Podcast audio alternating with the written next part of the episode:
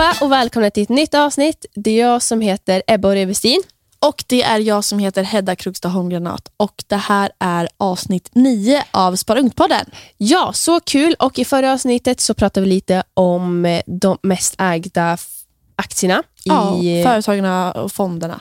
ja, precis. I Som är, Sverige. väldigt- ja, precis. Som är väldigt stora. Och I det här avsnittet ska vi prata lite mer om olika fondtyper. Ja, de vanligaste typer av fonderna tänkte vi gå in på. Ja, Kan så vara kul. väldigt bra att veta. Men Hedda, hur mår du?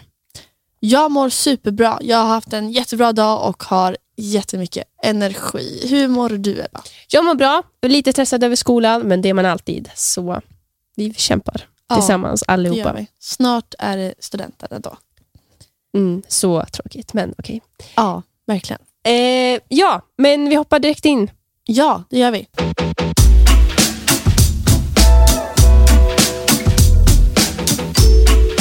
Okej, men jag tycker att vi börjar enkelt. Vad är en aktiefond?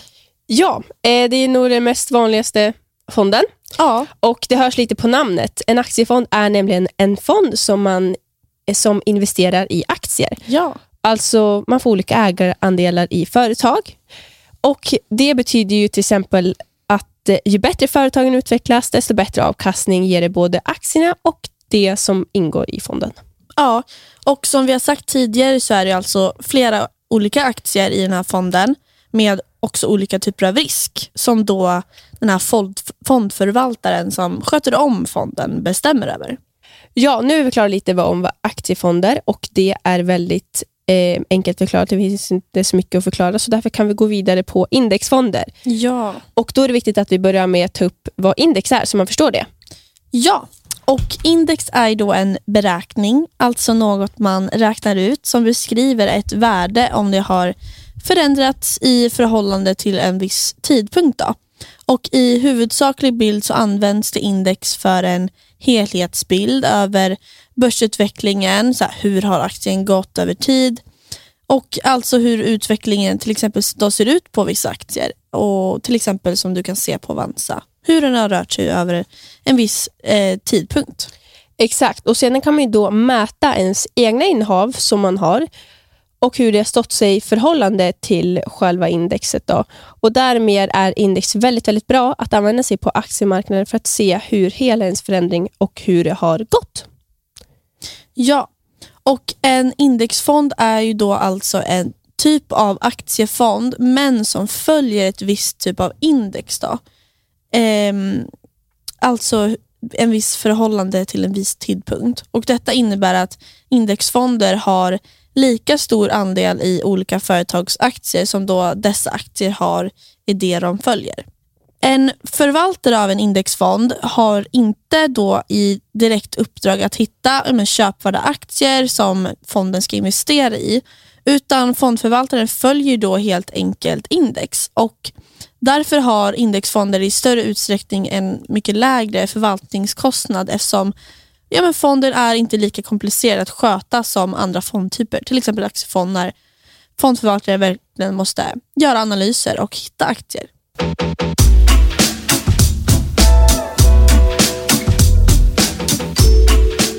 Ja, och sen går vi då vidare nu med en annan typ av fond som heter blandfond eller blandade fonder. Och Det har man ju, eh, vissa kanske hört och det kan låta till exempel som att det kan vara lite vad som helst till en skillnad från en aktiefond som har bara aktier i sig så har nu en blandfond både aktier och räntebärande värdepapper.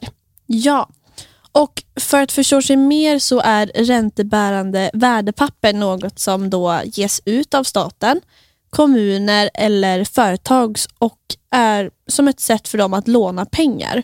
Och Det är som ett samlingsnamn för värdepapper som ger i förväg en ja, men bestämd ränta under en bestämd tidsperiod. Sen fördelningen då mellan aktier och dessa så kallat räntebärande värdepapper är olika beroende på blandfonden.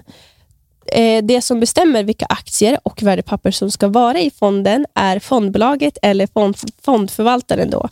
Sedan kan man ju även då som, eh, som sagt fond, fondförvaltaren se vilka förutsättningar som blir bäst beroende på vilken marknad eller beroende på hur samhället ser ut. Exakt. Dock i blandfonder kan det vara högre avkastning än vad exempelvis räntefonder. Och risknivån är på ungefär på med, medel mellan blandfonder. Och avgifterna kan därför vara lite högre än förväntat ibland.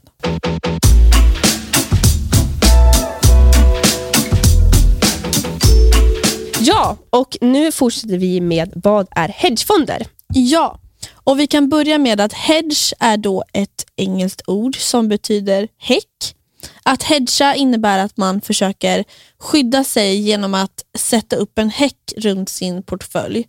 Eh, alltså som en buske, liksom. eller sitt sparande i detta fall. Och Det är då en placeringsstrategi, och vilket är då en, ett sätt som du placerar din investering. Och i detta fall fonder eh, där man vill minska eller alltså ta bort risken helt att förlora sina pengar i sin investering. Ja, och Detta är för att vid så kallat stora marknadsrörelser, alltså när marknaden går uppåt i procent eller neråt i procent ganska mycket eller inte så himla mycket. Eh, och därför därigenom försöka få då nå en avkastning oavsett om marknaden då går upp eller ner. Och en hedgefond då kan ju vara värt att nämna, är liksom inte specifikt kategoriserat som till exempel en aktiefond är, där man har olika kanaler och olika kategorier. Eh, utan en hedgefond är mer eh, som en fond, fondernas inriktning är liksom ganska stor. Där det är väldigt mycket fi, friare placeringsregler. Alltså du kan fritt bestämma vart du vill investera dina eh, pengar i själva reglerna för vad som ska ingå i själva fonden. Exakt, eh, vilket också innebär att fondförvaltaren får använda ja, men vilka investeringsstrategier som helst som de vill och som de tycker känns bra vid en investering i en fond. Detta gör då även att fonden och avkastningen är mer beroende på hur skicklig och bra förvaltaren är, vilket skiljer sig enormt mycket från de andra fonderna. Och eftersom det är där det är tydligare regler och fonderna är mer beroende av marknaden istället för själva förvaltaren och marknaden. Men det kan ju även vara kul på sitt sätt. Men tanken bakom denna lite speciella fond då är att spararen, alltså du, ska kunna få en avkastning oavsett hur marknaden har gått och då är man inte lika beroende av marknaden och samhället. Exakt. Men då har vi gått igenom en hedgefond, men jag tänker att vi går in på sista fonden nu att gå igenom, vilket är fond i fonder. Ja, och en förkortning för fond i fonder är FIF, alltså FIF. Och när man investerar då i, fond, i fonder som investerare, eh, investerar man då i andra fonder istället för i direkta värdepapper.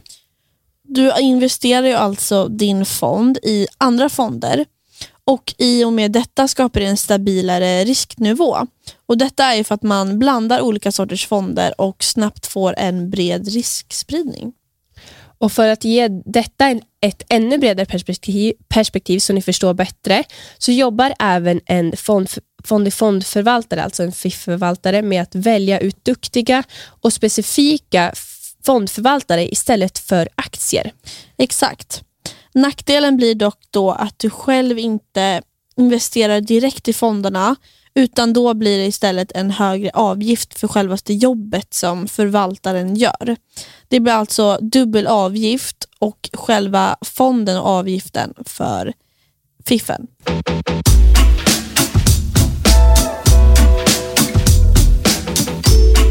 Sen då, då, sist av allt, så tänkte jag avsluta detta avsnitt med fyra snabba, för att den femte blev dålig. Blev eh, den inte bra? Nej, det blev inte bra. Då kör vi fyra. Ja, och det är mm. lite som vi haft tidigare, lite samma stil, men det är nu inom fonder och inom förra avsnittet. Spännande! Kör! Okej, aktiefond eller fond i fonder? Aktiefond. Stockholmsbörsen eller USA-börsen? Stockholmsbörsen. Investera i tre fonder med hög risk eller en med lägre risk? Jag skulle nog säga investera i tre fonder med lite högre risk. Okej. Välj välja fond själv eller köpa en hedgefond? Jag tycker det är kul att hitta nya fonder och lära sig mer om dem. Så jag skulle gud. faktiskt säga välja fond själv. Ja men gud, spännande faktiskt. Spännande svar. Skulle du välja fond själv eller hedgefond? Uh, jag skulle också säga samma som dig. Bra. Ehm, Eller bra och bra, men ja. Alla Då har tycker vi samma olika. svar. Men eh, nu ska vi runda av det här avsnittet. Ja, tack så jättemycket för det här avsnittet. Det har varit ett väldigt informationsrikt avsnitt och vi vet att det är svåra saker att lära sig. Men Då kan man lyssna två gånger. man får lyssna igen och bara man kan ju dela upp det. Man kan ta en fond eller ta lite anteckningar medan man lyssnar för att Ja. lära sig mer. Om ni tar anteckningar på avsnittet, snälla skicka det till oss på Instagram DM. Det skulle vara jättekul att se. Verkligen. Men tack för det här avsnittet så ses vi i nästa avsnitt. Ja, ha det så bra. Ha det bra och så hörs vi sen. Puss och kram. Hej då!